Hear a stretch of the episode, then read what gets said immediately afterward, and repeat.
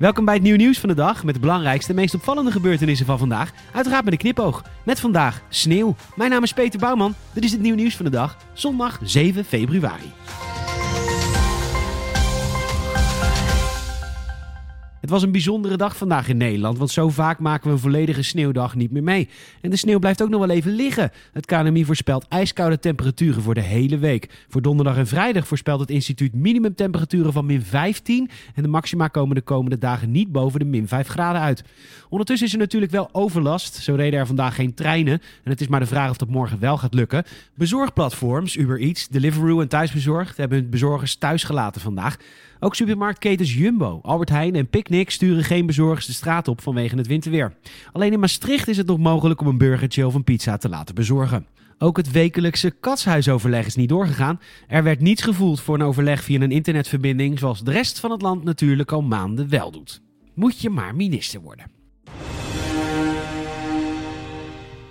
Het is tijd voor het nieuw nieuwsgetal van de dag. Je krijgt nu een getal en aan het einde van de podcast de context.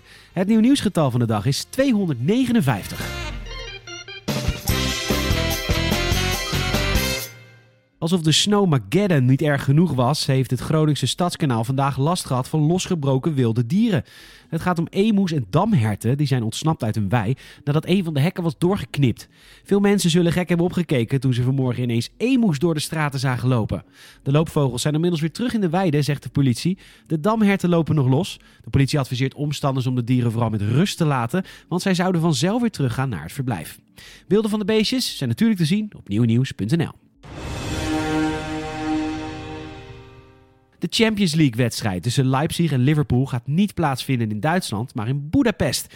Dat maakten de clubs vandaag bekend. De eerste wedstrijd van de knock-outfase kon op 16 februari niet in het stadion van Leipzig worden gespeeld, omdat dit in strijd is met de Duitse coronaregels.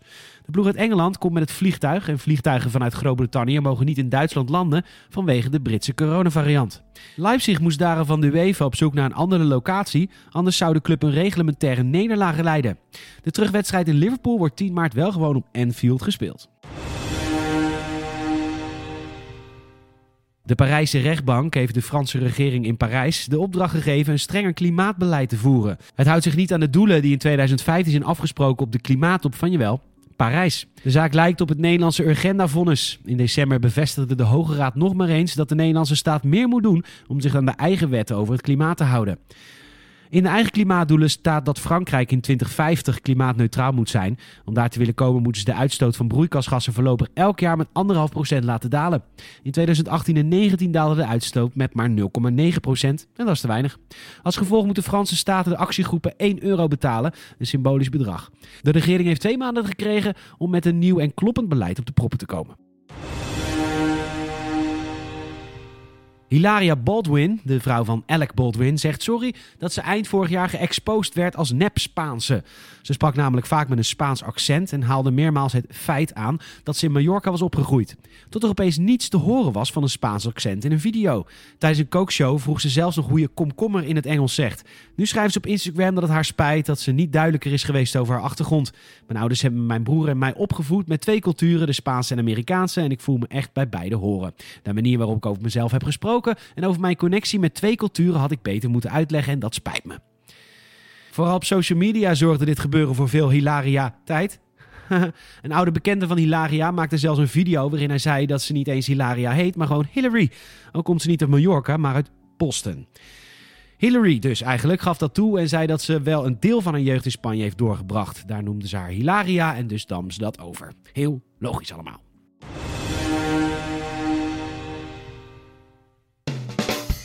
Het nieuwsgetal van de dag is 259. Een automobilist uit Alphen aan de Rijn is vandaag de weg opgegaan, terwijl zijn voorruit nog grotendeels bedekt was met sneeuw. De man had waarschijnlijk haast en vond het na een paar seconden krabben wel goed zo. Levensgevaarlijk, vond de politie. En de man heeft een fikse boete gekregen van 259 euro. Bedankt voor het luisteren. Help het nieuw nieuws van de dag te groeien en vertel een vriend of vriendin over deze podcast. Laat ook even een Apple Podcast review achter. Check elke dag nieuwnieuws.nl voor het laatste nieuws en volg ons ook even via YouTube, Instagram, Facebook, Twitter en TikTok. Tot morgen.